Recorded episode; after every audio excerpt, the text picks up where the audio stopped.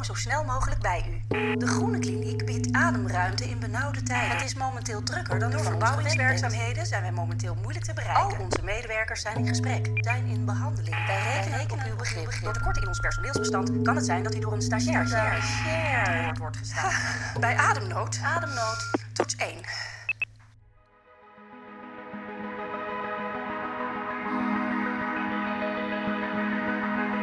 naar De Groene Kliniek, een podcastserie van Gouden Haas.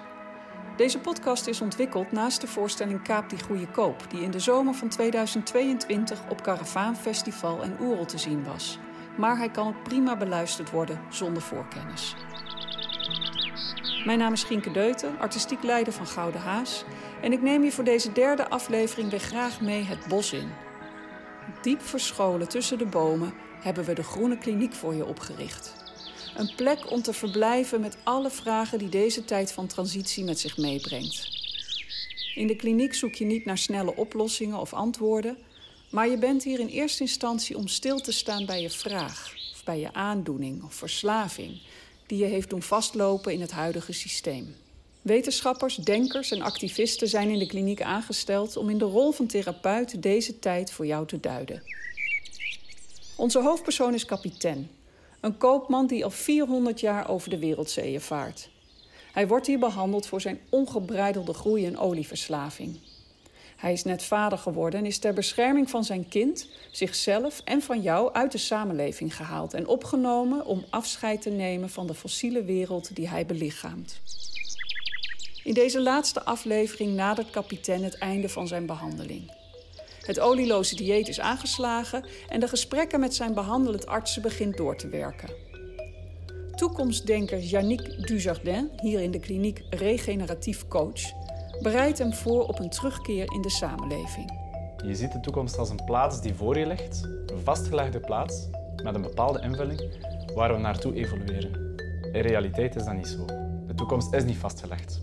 De toekomst bestaat zelfs nog niet. Die is nog open, die zit vol mogelijkheden en vol potentieel. Activiste Tjautjeleo Tranamil, hier in de kliniek is zijn nieuw narratief therapeut, herinnert hem er nogmaals aan dat hij het verleden altijd mee moet nemen de toekomst in. Wat voor mij heel belangrijk is, is dat je je kind in ieder geval meegeeft dat het hier mag zijn. Dat het kind zich geaard voelt in waar hij is. Tot slot neemt schrijver en socioloog Ruben Jacobs, hier in de kliniek is hij de buddy van kapitein, hem mee in zijn zoektocht als jonge vader naar nieuwe verhalen waarmee hij zijn kind kan laten opgroeien in deze tijd. En ik ben me heel erg bewust dat ik eigenlijk niet het verhaal meer kan vertellen dat mij altijd verteld is. Hè? Dus dat grote verhaal van de vooruitgang en dat, het, dat elke generatie het beter krijgt dan de generatie daarvoor. In ieder geval als het gaat om materiële welvaart. Kapitein wordt tijdens zijn verblijf als altijd bijgestaan door de nachtzuster. Die de hele boel draaiende probeert te houden en altijd klaar staat voor de groeiende groep cliënten die de Groene Kliniek bezoeken. Ik verbind je nu door met de afkikafdeling van de Groene Kliniek. Veel plezier. Ja, bedankt voor het wachten. Ja, waarmee kan ik u van dit... Oh, wacht even hoor, één moment.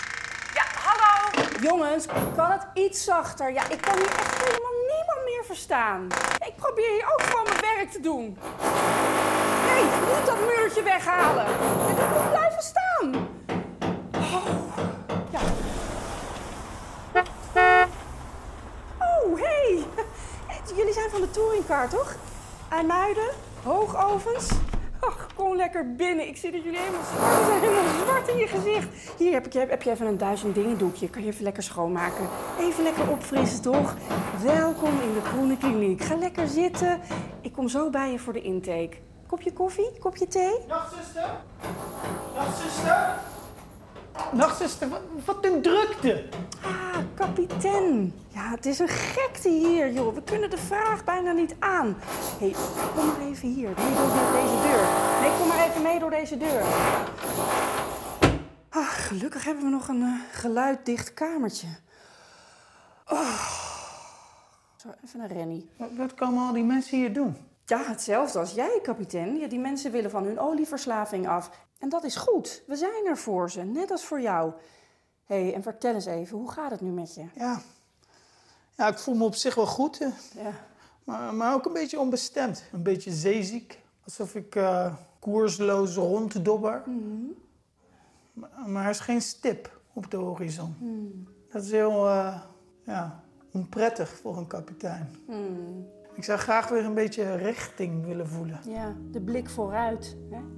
Een nieuwe toekomst in. Ja, maar na- nachtzuster, ik, ik ben ook een beetje bang, merk ik, Ja. voor die toekomst. Ik bedoel, met alles wat me hier verteld is in de groene kliniek, ziet de toekomst er nog niet echt eh, rooskleurig uit.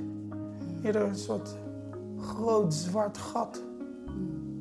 En hoe voed ik mijn kind op, terwijl ik niet naar de toekomst durf te kijken? Wat, wat moet ik mijn kind vertellen als het groter wordt? Ja, oké. Ja, je bent helemaal toe aan de volgende stap in je proces, hoor ik. En dat begint met een gesprek met Yannick Dujardin. Hij is toekomstonderzoeker en hij nodigt je uit om je wereldbeeld te bevragen. Door alternatieve toekomsten te verbeelden. En vooral te kiezen voor lange termijn belangen boven korte termijn verlangen. Hoor je het verschil? Ja, dat kan jij wel gebruiken. Hier in de Groene Kliniek is hij regeneratief coach. Hij verwacht je al, dus loop maar naar hem toe.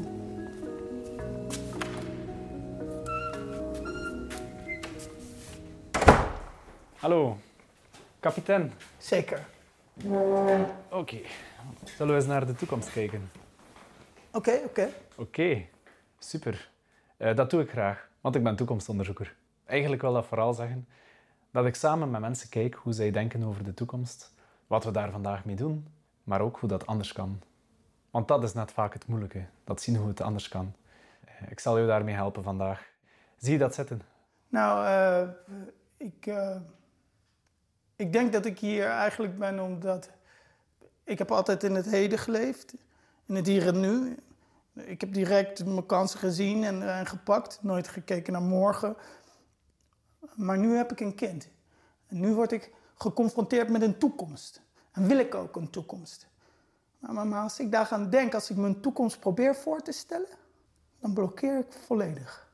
Herkent u dat? Komt u dat vaker tegen? Ja, het gevoel van te blokkeren in, in, in het denken over de toekomst komt vaak voort vanuit een deterministisch idee van wat de toekomst zal zijn. Dat wil zeggen, ik verwacht dat dat de toekomst zal zijn. Je ziet de toekomst als een plaats die voor je ligt, een vastgelegde plaats met een bepaalde invulling waar we naartoe evolueren.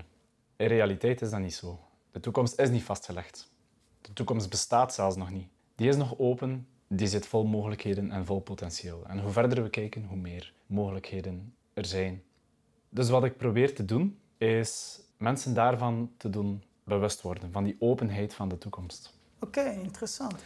En een tweede reden waarom je kan blokkeren, is door die tegenstelling van de toekomst versus het heden. Van, ik heb angst voor de toekomst, dus probeer ik eigenlijk in het hier en nu te leven.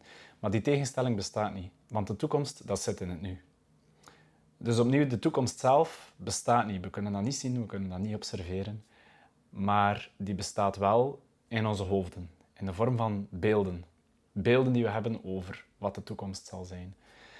En die stimuleren anticipatie in de een of andere vorm. We anticiperen op een bepaalde toekomst. En op basis van die anticipatie gaan we ons gedrag vandaag gaan aanpassen. Dus daarom dat het interessant is om te kijken van, ja, van waar komen die beelden? Eh, wat zit daarachter? Welke aannames zitten daarachter? Welke ideeën zitten daarachter? En zijn er alternatieven die we daarvoor kunnen bedenken? En dat is een manier om dus los te komen uit die, uit die, die, die toekomstblokkage. Die angst komt voort uit het gevoel van ik kan niks veranderen aan de toekomst. Dit komt op mij af.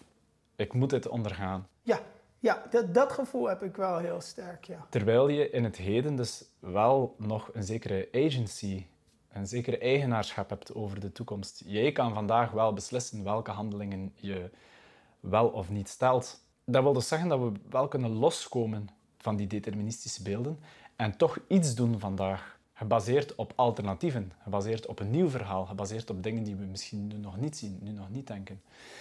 En nu vraag je natuurlijk af van, ja, klimaatverandering bijvoorbeeld, dat is een gigantisch probleem. Ik kan daar op mijn eentje toch niks aan doen. Precies, ja. Uh, en ergens vind ik het uh, hoopgevend dat dat een beetje voor iedereen zo geldt. Van, je kan daar individueel niks aan doen en niemand van ons heeft individueel, uh, kan individueel gaan vastleggen wat de toekomst zal zijn. Dat geldt voor ons allemaal. In die zin zitten we allemaal in hetzelfde bootje. Ja. Maar wat we op zijn minst kunnen doen, is wat we vandaag wel zelf in handen hebben. Ja. Ik kan me eerder het einde van de wereld voorstellen dan het einde van het kapitalisme. Ja, dat klopt en daar ben je niet alleen in. Dus er zijn heel wat mensen die dat idee hebben van de toekomst. Het idee van de, de apocalyps, de kapitalistische samenleving die de, de ecologische systemen volledig kapot maakt en de aarde die volledig verkloot wordt eigenlijk. Daar is ooit onderzoek naartoe gedaan. Een, onderzoeker aan de Universiteit van Hawaii heeft met zijn studenten duizenden, duizenden bronnen verzameld die iets zeiden over de toekomst. Boeken, essays, gesprekken, films, politieke discussies, beleidsdocumenten en zo verder. Ze hebben die allemaal geanalyseerd en ontdekt dat, dat alle toekomstbeelden die daarin voorkwamen ondergebracht kunnen worden in vier archetypes. De eerste is verder gezette groei.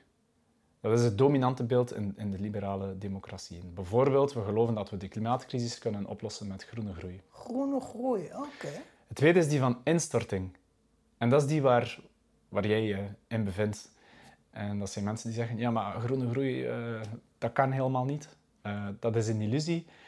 Als we verder doen op de manier waarop we bezig zijn, dan zullen we tot een instorting komen van sociale, ecologische, politieke systemen en zo verder. De derde is disciplinering. Dat wil zeggen, om de instorting af te wenden, kunnen we onszelf als samenleving disciplineren. Kunnen we richting een, een, een, een vorm van een gedisciplineerde samenleving, of dat nu bottom-up of top-down is. En de laatste is het transformatieve archetype. En die gaat vooral focussen op de sterke transformatieve kracht van technologie, die de hele samenleving kan veranderen, die ons naar een soort uh, dream society kan brengen, een, een post-humane, post-earth kolonies en dat soort zaken valt daarin. Laten we eens beginnen bij, bij wat misschien een zeer simpele vraag lijkt. Hoe zie jij de toekomst? Wat denk je dat de toekomst zal zijn? Of wat verwacht je van de toekomst?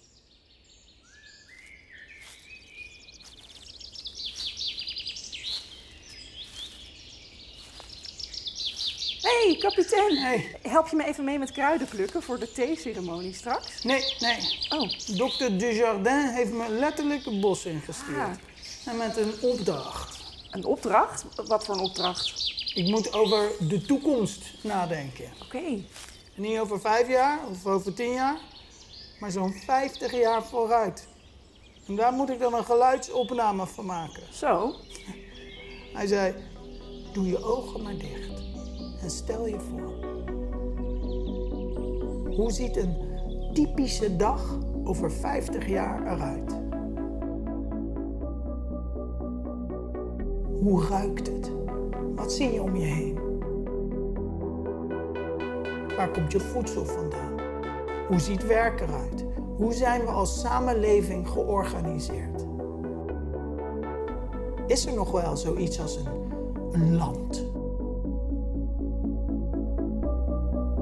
En? En, wat zie je voor je? Er komt nog helemaal niks, als ik eerlijk ben. Oh. Geen enkel beeld. Maar dokter Dujardin zegt dat het me zelfvertrouwen gaat geven als ik oefen met toekomstdenken. Als ik niet een zwart gat, maar meerdere toekomsten voor me zie. Dus ik moet oefenen en oefenen en oefenen. Nou, ga er maar gauw. Hè, pluk ik even verder. Kijk, waar staat nou die uh, vervenne? Hier. Ik moest na 10 minuten weer terugkomen. Nou, dat is nu wel ongeveer.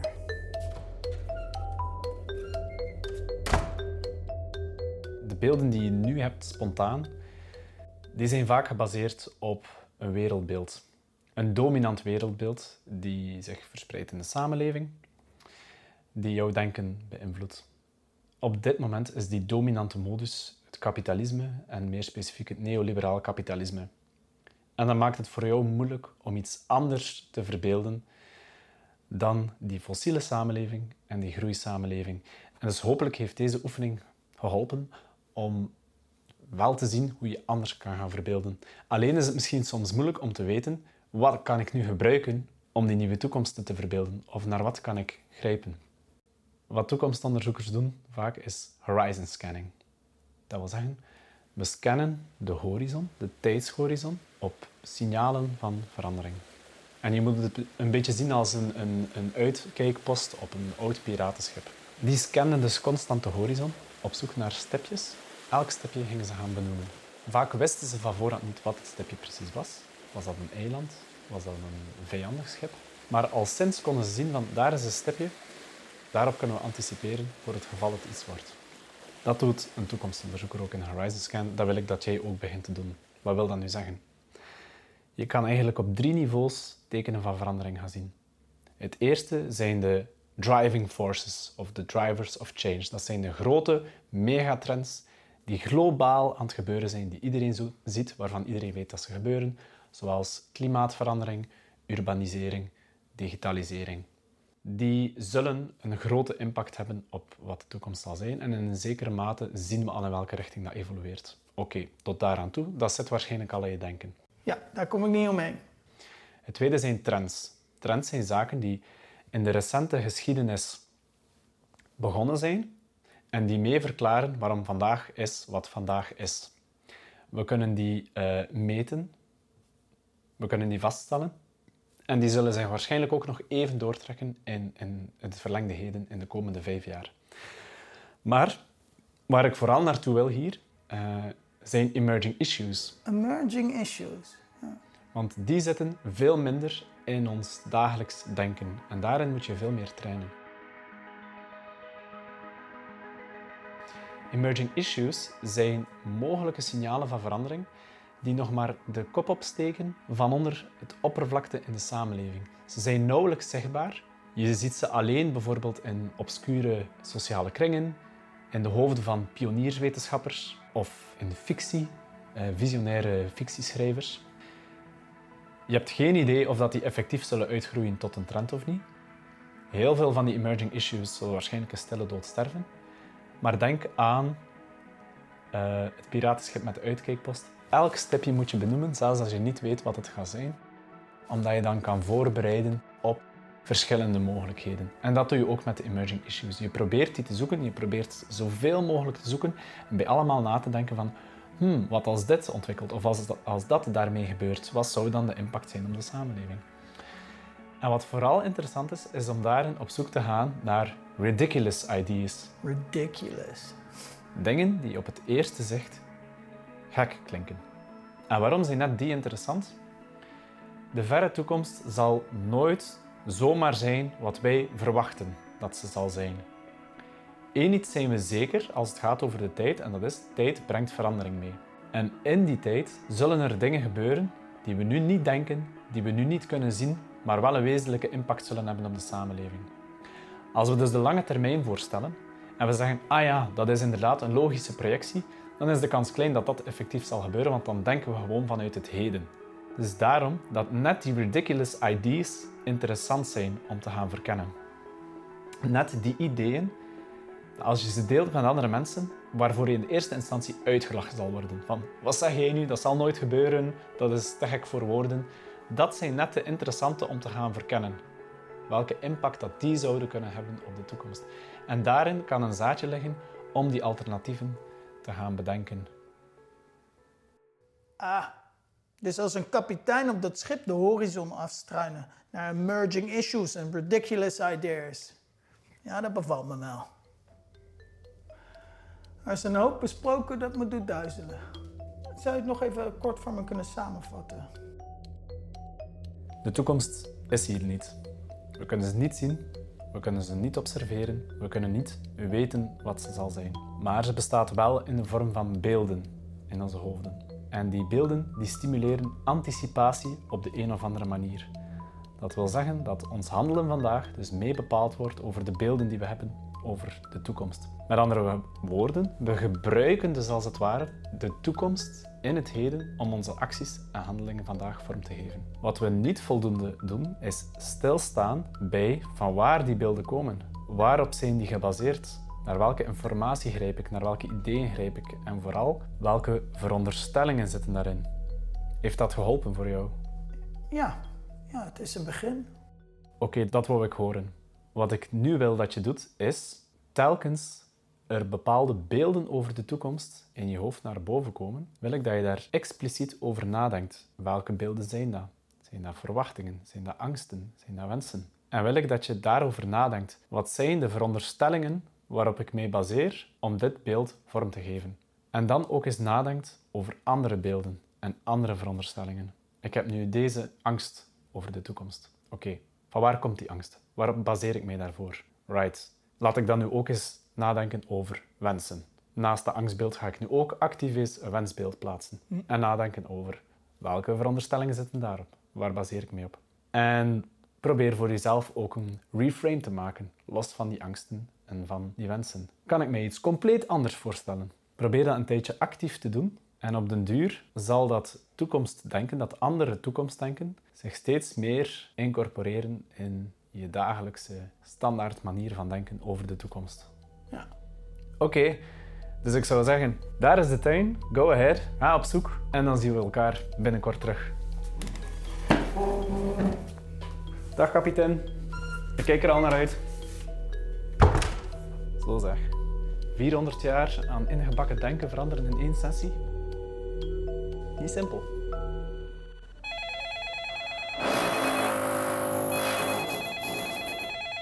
Een ogenblik geduld, alstublieft. Hey, wil je een lekker kopje rustgevende thee? Ja, doe maar. Vers geplukt uit de tuin?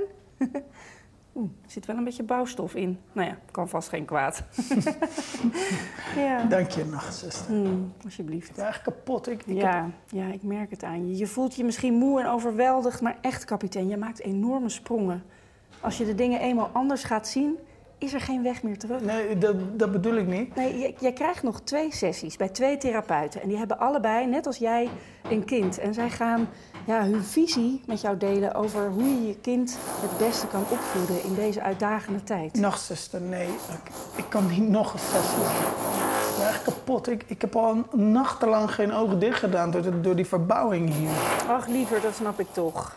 Ja, maar dat maakt helemaal niet uit. We- weet je, ken je Chautoleo Tranamil nog? Ciao to Leo, ja. Ja, zij is actief bezig met het integreren van een inheems perspectief vanuit haar Mapuche-achtergrond in al haar werk. Weet je nog? Ja. Zij werkt in de kliniek als nieuw narratief therapeut en werkt juist in de periode tussen waken en slapen.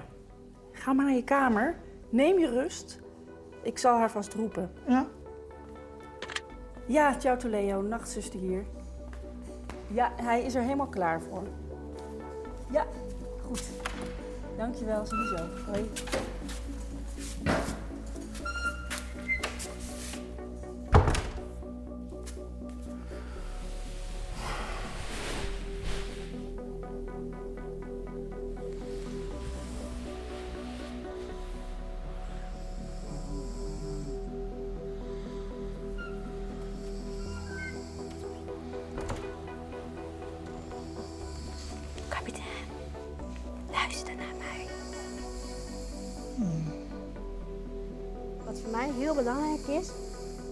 Is dat je je kind in ieder geval meegeeft dat het hier mag zijn. Ik denk dat dat het eerste en het belangrijkste is wat we met elkaar moeten doen, is dat een kind zich gewenst voelt. Dat een kind een liefde voelt. Dat een kind zich geaard voelt in waar hij is. Ja, vanuit mijn gemeenschap is dat momentje van veiligheid compleet weggegaan. Door de kolonisten. Dan, we mochten er niet zijn. We werden opgejaagd, we werden meegenomen.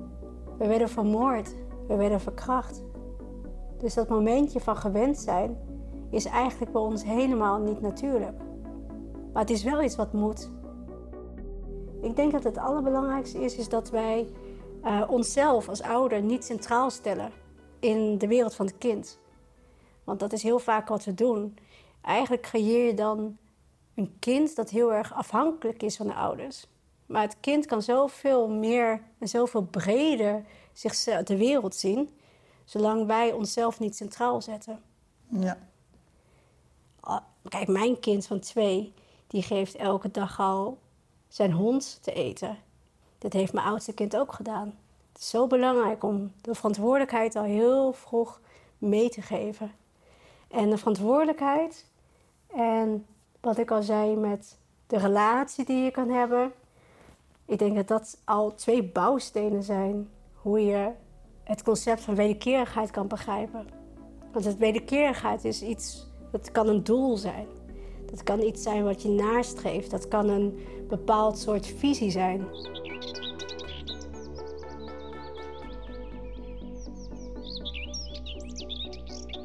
En in de relatie die het kind heeft met wederkerigheid, is het belangrijk dat je zichzelf duidelijk maakt dat het niet alleen maar wederkerigheid hoeft te zijn tussen mens en mens. Ik kan je een verhaal vertellen. Ehm, hoe wij dit zien. In 2011 was een hele grote aardbeving in Chili. Ontzettend groot. Echt op een schaal van Richter was het volgens mij meer dan 11. Dus dat betekent dat er heel veel schade was. Ontzettend veel uh, mensen verloren hun huis, hun baan. De aarde shakte en beefde. En ik dacht, ik zat hier in Nederland. En toen dacht ik van, ik moet iedereen bellen die ik ken. Hoe gaat het met je? Heb je het overleefd? Is het iets wat ik kan doen? Wat kan ik voor jou betekenen op dit moment? En ik was ook heel erg bang voor, mijn, uh, voor een vriend van mij die in Santiago woonde. Dat was ook echt behoorlijk geraakt. Dus ik probeerde hem te bereiken en het lukte mij maar niet. En uiteindelijk had ik hem te pakken en zei hij van... Ja, maar ik ben al drie weken terug weggegaan uit Santiago. Al drie weken terug, want uh, de, ja, de Mapuche, de inheemse vrienden die ik heb hadden te horen gekregen van hun familie: ga weg uit Santiago, want de vogels die laten ander gedrag zien. Je moet nu weg uit Santiago. De vogels die geven aan dat, het nu, dat er iets gaat gebeuren. Dus hij had gewoon geluisterd naar die vrienden. En hij zat heerlijk in de bergen waar er niks was gebeurd. En toen dacht ik ook van ja, die vogels hadden ook niks kunnen zeggen. Ze hadden in principe ook gewoon hun eigen fluitje kunnen doen. Zoals gewoon een liedje kunnen doen. Maar vanuit die wederkerigheid gaven ze wel signalen. En die signalen worden dan opgepakt door de mensen die nog de taal spreken van de vogels. En dat zijn de elders, dat zijn de ouderen van, vanuit onze gemeenschappen ja, dat is wel iets heel moois. Wat ik ook zie, wat wij moeten kunnen gaan herkennen. En wat we weer, die taal moeten we gewoon weer gaan oppakken.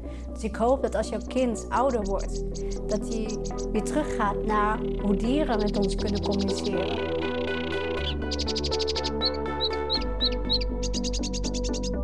Als je het hebt over wederkerigheid, nog in een bredere zin.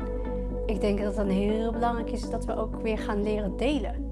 En het gaat niet alleen om delen als in ik geef jou mijn banaan, want jij, bent, jij hebt nu geen eten. Nee, delen gaat veel meer ook over de energieën delen. Dus de harmonie verdelen. Uh, de balans van, van bepaalde energieën verdelen. Het zou zo mooi zijn als je kind daar meer over gaat leren. Want ik geloof erin dat kinderen uiteindelijk ook mij gaan onderwijzen. Kijk, ik ben nu wel iemand, ik ben een ouder. Maar ik geloof erin dat er zoveel wijsheid zit in elk wezen. Of ze nou zeven zijn, negen of twaalf. Ik denk dat de belangrijkste lessen die ik heb geleerd... is eigenlijk wel van mijn eigen kind. Dus um, als we dan het hebben over delen... hoe mooi zou het zijn als we weer op een andere manier kunnen herverdelen.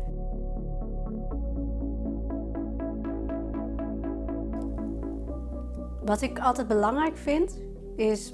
Stel hè, je zoontje is verdrietig. We zijn allemaal wel eens, we hebben allemaal momenten dat we verdrietig zijn. Dan is het belangrijk dat je natuurlijk een kind gaat troosten. Maar dat betekent niet dat ik dat hoef te doen. Dus wat wij heel erg merken is dat de relatie, de wederkerigheid die we hebben met de natuur, dat het ook heel goed samen kan met emoties. Dus hoe ik het zie is, als hij verdrietig is, ik, ik ga hem vragen om de hoogste heuvel te zoeken. De hoogste heuvel die je kan voorstellen. En daar moet hij dan naartoe gaan. En dan zeg ik, ga liggen, ga naar achterover leunen en laat je heel even meenemen met je voorouders. Want de voorouders zitten in de heuvel. En die kunnen dan een klein beetje van jouw pijn of van jou het gevoel hebben dat je niet helemaal lekker zit. Uh, dat, dat gevoel waar je verdrietig door wordt, die kunnen dat een klein beetje overnemen. Dus dat betekent dus dat je niet alles zelf hoeft te dragen. Je hoeft niet alle, alle pijn zelf te dragen. Wat voor mij heel belangrijk is, is dat je je kind leert in momenten van emotionele disbalans, hoe ga je dat voor jezelf oplossen? En hoe gaan we dat samen doen? Want samen is nog steeds heel belangrijk. Kijk, op het moment dat jij te veel economisch bezig bent, te veel bezig bent met winst vergaren, met alles voor jezelf opeisen. Met nergens meer rekening houden, behalve met jouw behoeftes. Dat betekent dus dat andere elementen in het leven uit balans zijn door jouw acties. Dus het is heel belangrijk dat je dat ook voor jezelf ziet. Dat alles is van invloed op elkaar. Dat is het hele principe van hoe wij met elkaar leven. We zijn met elkaar verbonden en alles is afhankelijk van elkaar. Niks staat los van elkaar of ten opzichte los van elkaar. Dus wat jij doet, hoe jij jezelf manifesteert in deze wereld, heeft effect op andere, misschien wel onzichtbare elementen in het leven. Dus voor mij is het heel belangrijk dat elk kind weet wat gevolgen zijn als je hier niet goed rekening mee houdt. Dus welke uh, momenten van, van emotionele disbalans jij ook kan hebben, je hebt die verantwoordelijkheid om dat aan te pakken. Je hebt die verantwoordelijkheid om te zorgen dat je kan kijken met: oké, hoe ga ik dit oplossen? En dat kan je doen in relatie met de natuur. Dat kan je doen in relatie met andere mensen. Dus op zoek gaan naar de vormen van wederkerigheid om te zorgen dat die disbalans uit je leven gaat. En voor mij, als ik kijk hè, naar alle ouders die wij hebben, en jij bent natuurlijk ook een ouder, is het heel belangrijk dat je die verantwoordelijkheid oppakt. Want de rekening van die emotionele disbalans moet niet bij je kind komen te liggen. De rekening van die klimaatcrisis moet niet bij de volgende generatie komen. Wij hebben de verantwoordelijkheid om die disbalans opnieuw te gaan bekijken. Waar zit het hem in? Hoe kunnen wij anders ons gedragen? En hoe manifesteert die disbalans zichzelf? En hoe kunnen we ervoor zorgen dat de kinderen de taal weer leren van balans krijgen tussen mensen onderling, tussen mensen en dieren onderling, tussen de mens en de omgeving. En dat is denk ik het meest belangrijk wat jij nu voor jezelf kan doen. Kijken hoe jij die disbalans die jij creëert in het leven, hoe ga je het oplossen? En als je kind in de setting van bevrijding, wat wij willen voor kinderen, wat wij willen voor elk kind, dat gevoel hebben dat je zelf je eigen keuzes kan maken. Dat je zelf je eigen pad gaat uitstippelen. Jouw levenspad. In harmonie met, met wie je bent, met, met je omgeving, met je gemeenschap, met je land, met je stad. Als het kind dat gevoel van bevrijding heeft, dan gaat het ook nadenken. Nadenken over al die ideeën die wij hebt, hebben gegeven over wederkerigheid, over in relatie staan met, over de verantwoordelijkheden, over de herverdeling van wat we moeten doen. En dan, kapitein, moet je niet bang zijn. Je moet niet bang zijn dat het kind uiteindelijk gaat rebelleren. En het kind gaat jou ter verantwoording roepen. Het gaat jou aankijken. Want het kind is de spiegel van de omgeving. Het kind gaat zien wat er is. Het kind heeft die vrijheid gekregen. Dus als het gaat rebelleren, dan is het denk ik, kapitein, het meest belangrijk dat je ruimte maakt. Ruimte voor nieuwe leiderschap. Want dat kan jij niet meer oppakken. Wij hebben het al zo ver laten gaan. We hebben al zoveel misstappen gemaakt.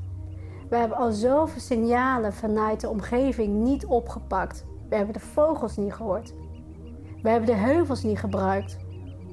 Wij hebben op sommige momenten geen toestemming gevraagd.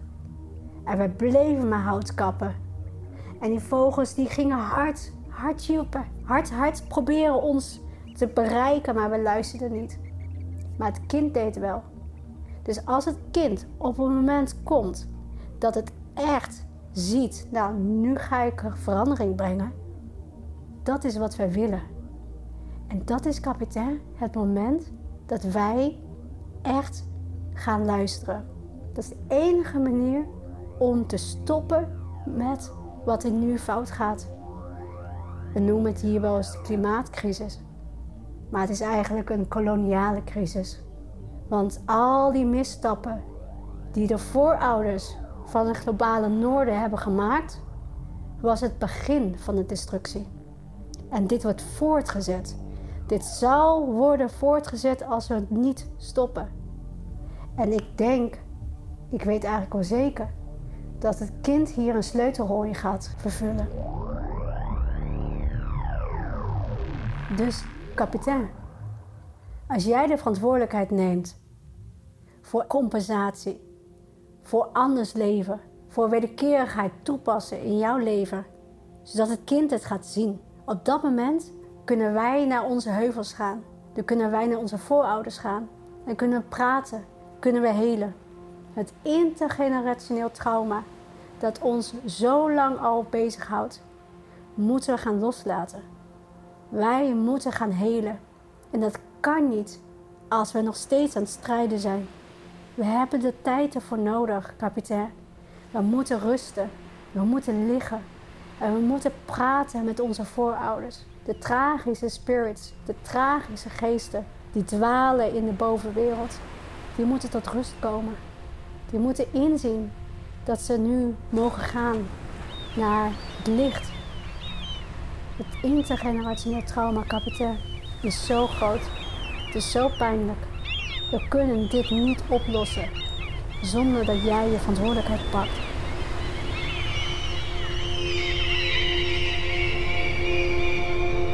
Hey, ja, ja, ja, Zo, jij hebt lang geslapen. ja. Ik, ik ben heel ver weg geweest. Op een soort wonderlijke reis. En mijn kind was daar. Het liep voor me uit als een leider. En ik volgde mijn kind. Het kind leidde me langs pratende vogels en ik lag op heuvels te huilen. En er waren dwalende voorouders die tot rust wilden komen. Maar ik zag ook kinderen die nog geboren moeten worden. Waar, ben ik? Hoe, hoe laat is het? Het is bijna tijd voor je vertrek uit de groene kliniek, kapitein. Jij gaat straks de samenleving weer in. En wat jij nodig hebt, is een buddy.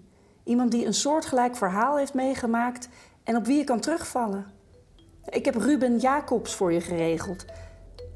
Ga maar even zitten, voor de allerlaatste keer. Hij komt zo bij je.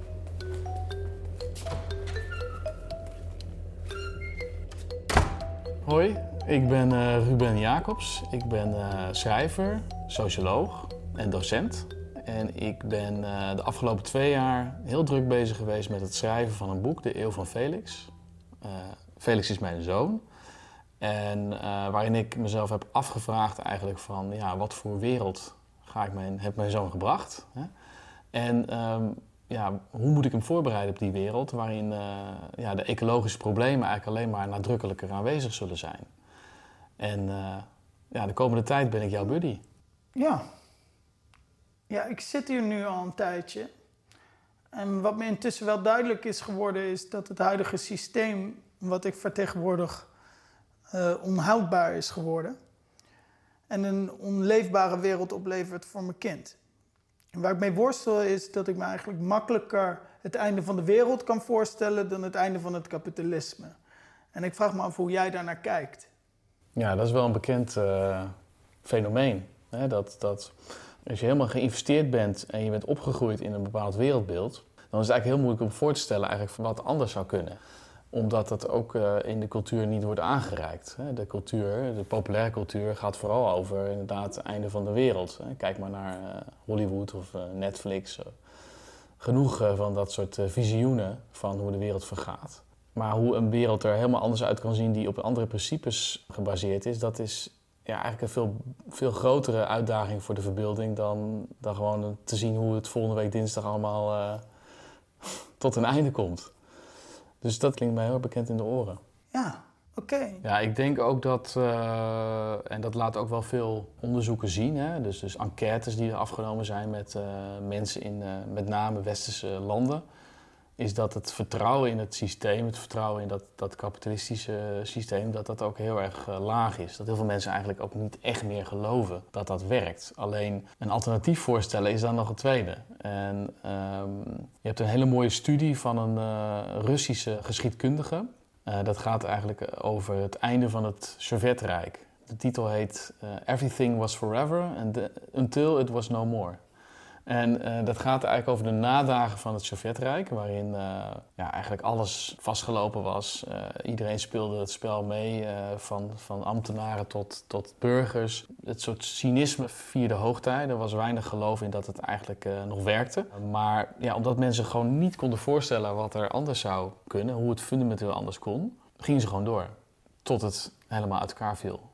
Volgens mij was het Gorbachev die later zei van toen de kernreactor in Tsjernobyl eh, ontplofte, dat dat voor hem het eerste moment was dat hij dacht, ja, dit, dit, is, niet, dit, dit is niet houdbaar meer, dit systeem. Eh, omdat ook de manier waarop daarmee om werd gegaan dramatisch was. En dan zie je natuurlijk dat, ja, dat enorme crisissen natuurlijk wel uh, ja, ons dwingen om uh, toch dat onbekende in te gaan. Alleen dat onbekende, dat kan zo uh, verontrustend zijn en zo onbekend dat mensen toch dan maar liever met de rug naar het onbekende toe bewegen dan dat ze dat waarnemen en dan denken van we moeten nu een alternatief gaan bouwen. En dit begrip wordt door die geschiedkundigen ook wel hypernormalisatie genoemd. Dus we hebben het zo genormaliseerd, die wereld waarin we leven, dat we mentaal niet goed in staat zijn om die, uh, om die andere wereld uh, voor ons te zien, om daar, uh, laat staan daar naartoe te bewegen eigenlijk. En ik denk dat wij in een soort vergelijkbare situatie zitten op dit moment. In het Westen, of in ieder geval globaal eigenlijk, maar met name natuurlijk het Westen. Waarin dat kapitalistische systeem natuurlijk is, is ontstaan en zich heeft ontwikkeld. Ja, als ik jou zo hoor praten, dan denk ik, de mens kan niet veranderen. Die moet eerst vastlopen in de fuik van het systeem totdat dat vervolgens ontploft, voordat het anders kan? Of lukt het ons daarvoor al de knop om te zetten, denk je? Ja, de vraag is natuurlijk inderdaad van gaan wij uh, op tijd, vrijwillig, een juiste kant op bewegen? Of moeten we helemaal vastlopen en, en moet, het, uh, moet de wal het schip keren? Um, ik denk, ik ben inmiddels wel denk ik van overtuigd dat dat onvermijdelijk is dat we echt tegen die, die wal aan gaan botsen. Dat het, dat het niet gaat gebeuren dat wij op, op zo'n grote schaal, dat er genoeg mensen zijn die bereidwillig zijn om op tijd bij te sturen.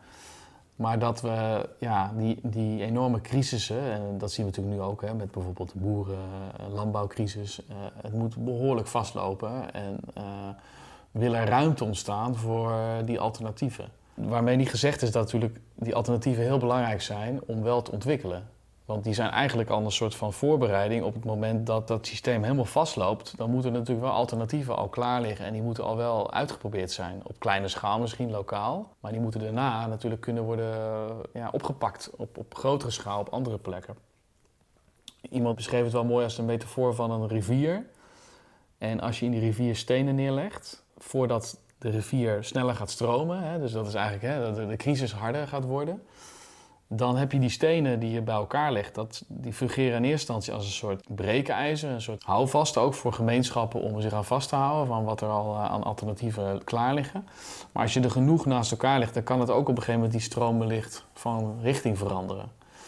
En volgens mij is dat heel erg belangrijk, dat die stenen alvast neergelegd worden. Dat er echt wel uh, hard wordt gewerkt op lokale schaal aan die alternatieven. Maar ik heb niet meer de illusie dat, uh, dat we op tijd op grote schaal van koers gaan veranderen. Ik denk dat daar echt wel uh, flinke crisissen voor nodig zijn, helaas. Dat dat nou eenmaal in onze aard is toch dat het echt flink moet vastlopen voordat we op grote schaal open gaan staan voor echt andere, ja, andere manier van doen. Ja, je hebt in de jaren 80, eind jaren 80 had je natuurlijk met de ineenstorting van het Sovjetrijk, had je Cuba. Cuba was een land wat heel erg soort van ideologisch verbonden was aan het Sovjetrijk. Was ook een leverancier van voedsel. En ook was ook heel afhankelijk van de toevoer van met name fossiele brandstoffen vanuit uh, de Sovjet. Toen dat allemaal stopte en dat uh, in, elkaar, in elkaar donderde, stopte ook die toevoer naar Cuba. En Cuba kreeg acuut te maken met een enorm tekort aan uh, energie, brandstoffen, voedingsmiddelen.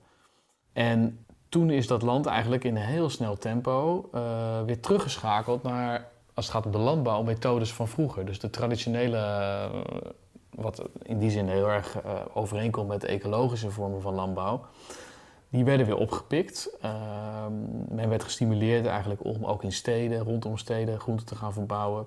En, en het sleutel voor, voor het succes daarvan was dat, dat er nog genoeg mensen waren in Cuba, van de oudere generatie, die die methodes kenden. Die wisten gewoon hoe je op niet-industriële manier landbouw pleegde. ik denk dat dat dus heel belangrijk is. Dat we genoeg mensen hebben die weten hoe je die alternatieven kan uh, ontwikkelen. Wat je nodig hebt. Uh, de kennis ontwikkeld is. Voor het moment dat die stroom harder gaat worden. En de situatie urgenter wordt om ja, alternatieven te gaan concretiseren. En uiteindelijk is dus Cuba. dit werd uiteindelijk later de, de onbedoelde eco-revolutie genoemd in, Cuba. Cuba is met betrekking tot duurzaamheid een van de meest duurzame uh, landen ter wereld heeft. Uh, zit, hoog in de, in, de, in de ladders eigenlijk als het gaat om zowel... Uh, het is niet het perfect land, laat ik duidelijk zijn, maar als het gaat om ecologisch welzijn en ook sociaal welzijn doen zij het eigenlijk best goed. En hebben zij een heel lage voetafdruk wereldwijd, omdat zij, ja, die, die ecologische landbouw is daar enorm geëxplodeerd sinds de instorting van het Sovjetrijk.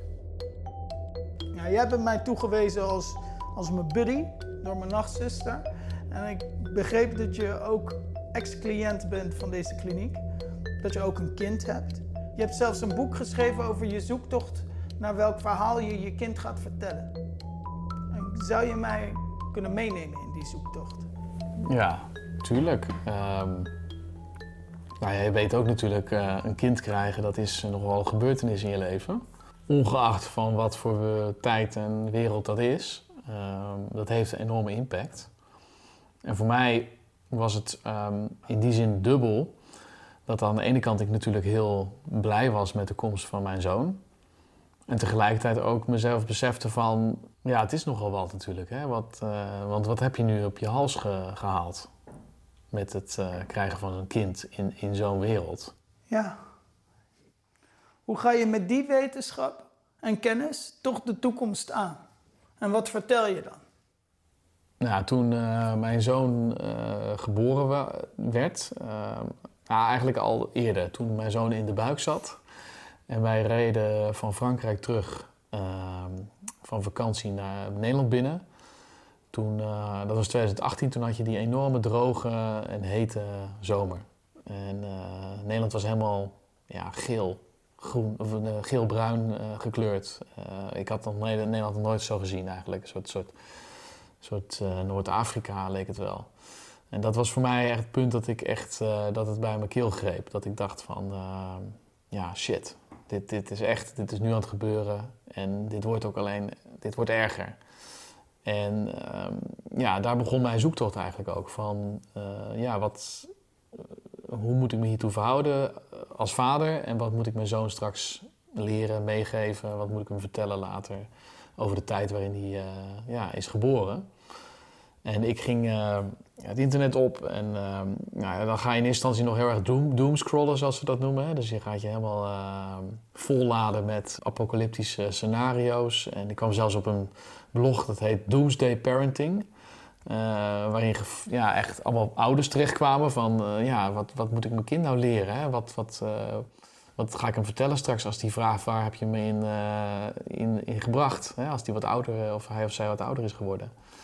En ik kwam eigenlijk op een gegeven moment steeds meer op het punt dat ik dacht van ja, ik kan wel helemaal vast gaan lopen hier in, die, in dit soort fatalisme, de wanhoop. Maar ja, ik heb nu wel verantwoordelijkheid ook. En ik moet ook uiteindelijk wel pragmatisch worden en nadenken van wat kan ik gezien de situatie? Wat is uh, wijsheid? En toen ben ik eigenlijk steeds meer gaan nadenken over van, ja, wat, uh, wat zijn nou vaardigheden, mentale, zowel mentaal als fysiek eigenlijk, die, die hij misschien uh, nodig zou hebben in de toekomst. Toen kwam ik eigenlijk al heel snel op, ehm, ja, volgens mij moet hij natuurlijk een bepaalde weerbaarheid ontwikkelen en ook de vaardigheid om samen met anderen creatief om te gaan met, ja, met de situaties uh, waar ze in terecht zullen komen. Wat zijn dat voor skills? Wat vind je belangrijk om hem bij te brengen in deze tijd? Ja, jij en ik zijn natuurlijk opgegroeid in het uh, grote verhaal van de vooruitgang. Hè? Eigenlijk waren wij misschien wel de laatste generatie die dat verhaal echt nog uh, serieus nam. En ik denk dat we daar, uh, ja, dat dat eindig is nu. Maar de vraag is natuurlijk, wat, wat gaan we ons kind, onze kinderen dan wel vertellen? En ik denk dat het wel belangrijk is dat ze een realistisch verhaal krijgen over wat er, ja, waar we heen gaan. Uh, zelf luister ik nu een podcast dat heet uh, The Great Simplification.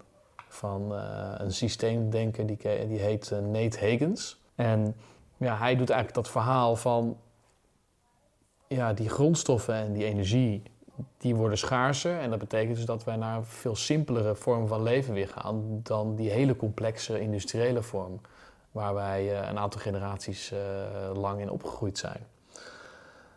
En dat betekent dus dat we ook meer weer ja, weerbaarheid moeten, denk ik, op verschillende vlakken moeten gaan, gaan ontwikkelen. Maar ook uh, inventiviteit en, en aanpassingsvermogen. En denk ik ook heel veel skills, hele praktische skills weer moeten gaan leren. Omdat we niet alles meer kunnen overlaten aan machines. Die draaien op uh, fossiele en uh, brandstoffen en allerlei zeldzame grondstoffen. En ja, dat is een beetje waar ik nu zit, ook als het gaat om het opvoeden van mijn zoon. Hè. Klein voorbeeldje is bijvoorbeeld stopcontact. Als ik met hem bij een stopcontact sta of bij een, uh, lamp die hij dan heeft aangezet weer voor de lol. Dan zeg ik nu toch elke keer tegen hem van ja, ben je wel bewust, dat is stroom. Dat komt ergens vandaan, dat is niet uh, oneindig. Dat kost ook veel geld, tegenwoordig steeds meer. Dus dat probeer ik altijd op te hameren van dat hij niet denkt dat is allemaal maar gewoon hier en dat komt ergens vandaan uit het luchtledige en dat is altijd ter beschikking. Maar dat, uh, dat je daar zuinig op moet zijn. En dat uh, ook als het gaat om eten, dat ik hem probeer te leren, ja, waar komt eten nou precies vandaan? Uh, hoe groeit dat? ik ben dus ook met hem elke vrijdag in een moestuin, een zorgtuin. En dan komen we elke ja, vrijdag gaan we daar langs. Van een oud collega van mij. En dan ehm, nou, lopen we daar een beetje rond. Dan leert hij een beetje over voedsel en uh, ja, hoe dat uit de grond komt en, en wat daarvoor nodig is. En um, ja, die basis van het bestaan, uh, waar alles op gebouwd is, dat wil ik hem heel erg bijbrengen. Want ik denk dat hij daar heel veel aan zal hebben. In die hele grote versimpeling, die great simplification, waar we misschien aan het punt van beginnen aan staan eigenlijk uh, op dit moment. Aan de ene kant neem je Felix mee in je zoektocht naar een lokaal netwerk. Maar tegelijkertijd ben je je bewust dat we in een complexe realiteit leven. Hoe neem je hem mee in dat geheel? Wat vertel je hem daarover? Of wat wil je hem daarover vertellen? Ja, kijk, mijn zoontje is nu nog 3,5, dus ik ben nog niet echt met hem aan het praten over de toekomst. Maar op een gegeven moment komt hij natuurlijk op een leeftijd dat, dat we daar meer over gaan praten. En ik ben me heel erg bewust dat ik eigenlijk niet het verhaal meer kan vertellen dat mij altijd verteld is. Hè? Dus dat grote verhaal van de vooruitgang en dat, het, dat elke generatie het beter krijgt dan de generatie daarvoor. In ieder geval als het gaat om materiële welvaart. Ja, ik, ik wil hem wel een realistisch beeld schetsen uh, van een wereld die gewoon complexer en instabieler en ook onstuimiger zal zijn dan, dan, dan dat ik hem tot nu toe heb gekend. Um, ook met het idee dat ik als ik hem alleen maar een soort mooi plaatje schets en hij merkt als hij opgroeit dat het helemaal niet overeenkomt met de realiteit, dat dat hem misschien ook, ja, dat ik daar hem niet een dienst mee bewijs.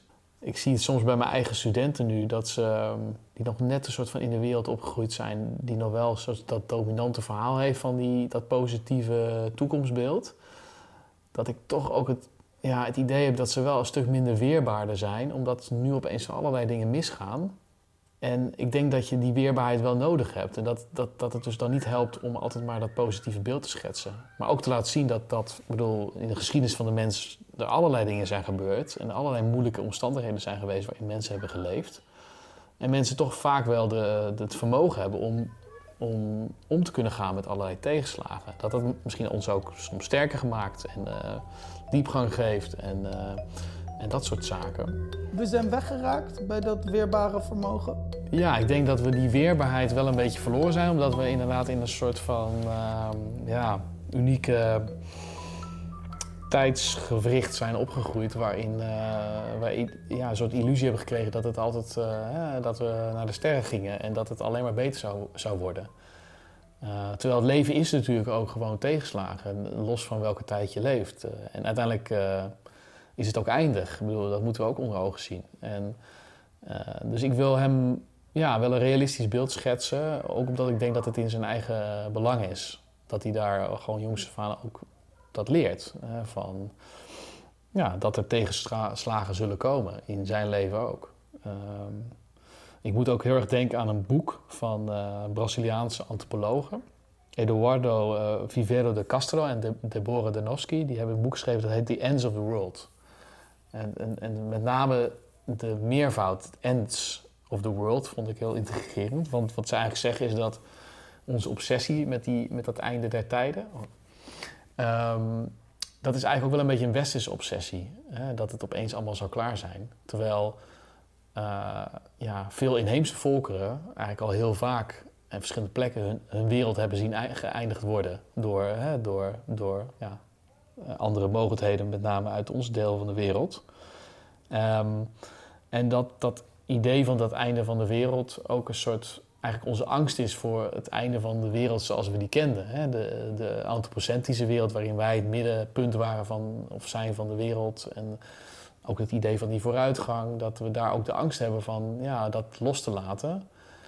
En te zien dat ook, ja, ook dat verhaal een keer ophoudt. En dat er dan misschien daarna ook nog wel iets is.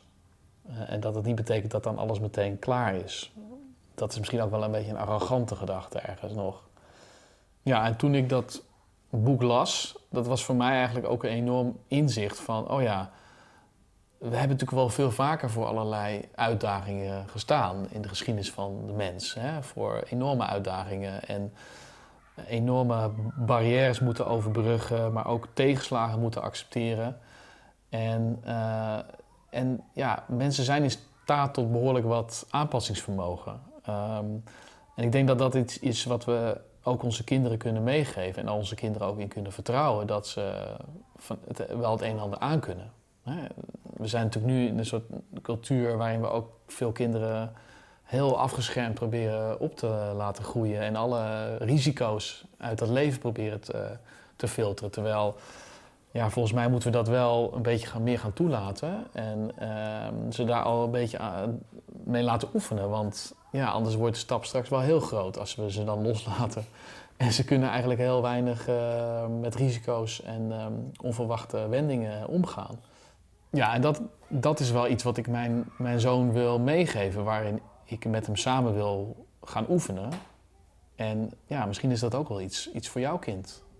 En misschien moet je daar al gewoon mee beginnen, zelf. Volgens mij uh, is het nu ook wel lang genoeg dat jij hier in deze kliniek hebt uh, gezeten. En wordt het voor jou tijd om uh, de wijde wereld in te gaan en de dingen die je hebt geleerd in de praktijk te brengen. Heb je nog een soort raad? Kan je me iets meegeven voor onderweg?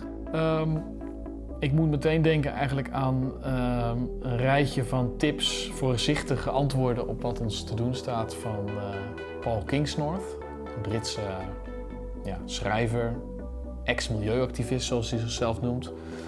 En die heeft een uh, ja, aantal, dus wat hij zegt, voorzichtige antwoorden geformuleerd op de vraag van wat, moet ons, wat rest ons nu op dit moment in deze tijd van, van de geschiedenis. En uh, laat ik ze maar even opnoemen.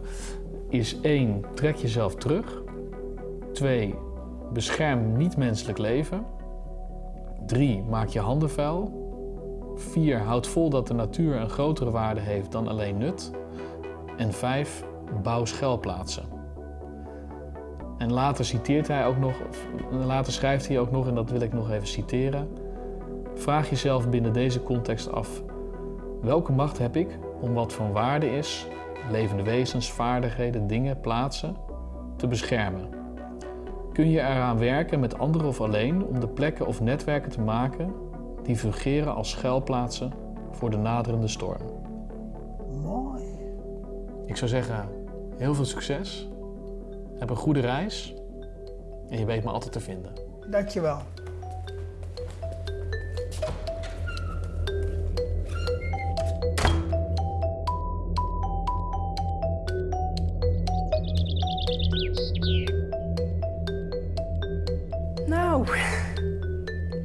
Klaar voor? Ja, het is tijd om te gaan. Ja. Nou, mooi. Hè?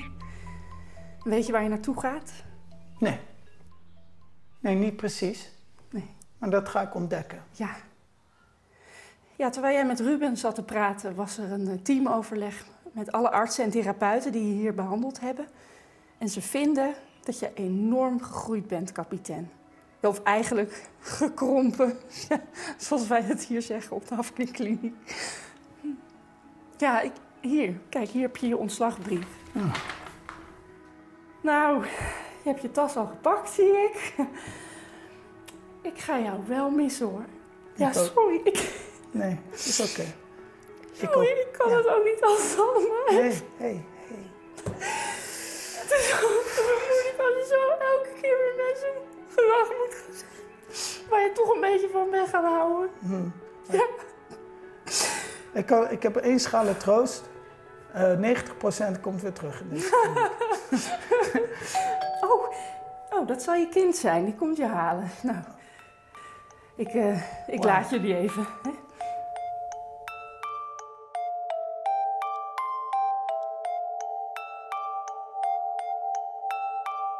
Pap, weet jij het?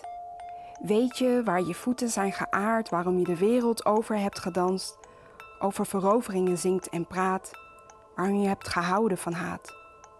Weet je het echt?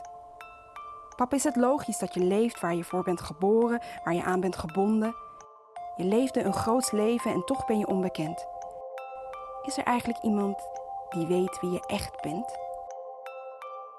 Weet je waar de reis je brengt, kind? Als je niet snapt waar het allemaal begint. Weet jij het? Weet je of de tijd die je door hebt gebracht in je moeders buik je wijsheid biedt en de kracht, zodat je alles wat de mens doet en zegt echt begrijpt? Als jij je ogen sluit, pap, droom je dan nog van de toekomst? Zonder om te kijken naar het verleden blijven dat donkere delen waar licht je alleen vindt als je sneller reist dan het verstrijken van de tijd. Weet je waar de reis je brengt, kind, als je niet snapt waar het allemaal begint? Weet jij het?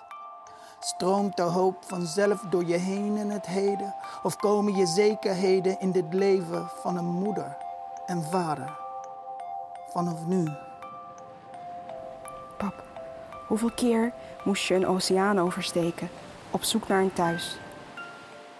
Wanneer brengt de reis je eindelijk terug naar huis?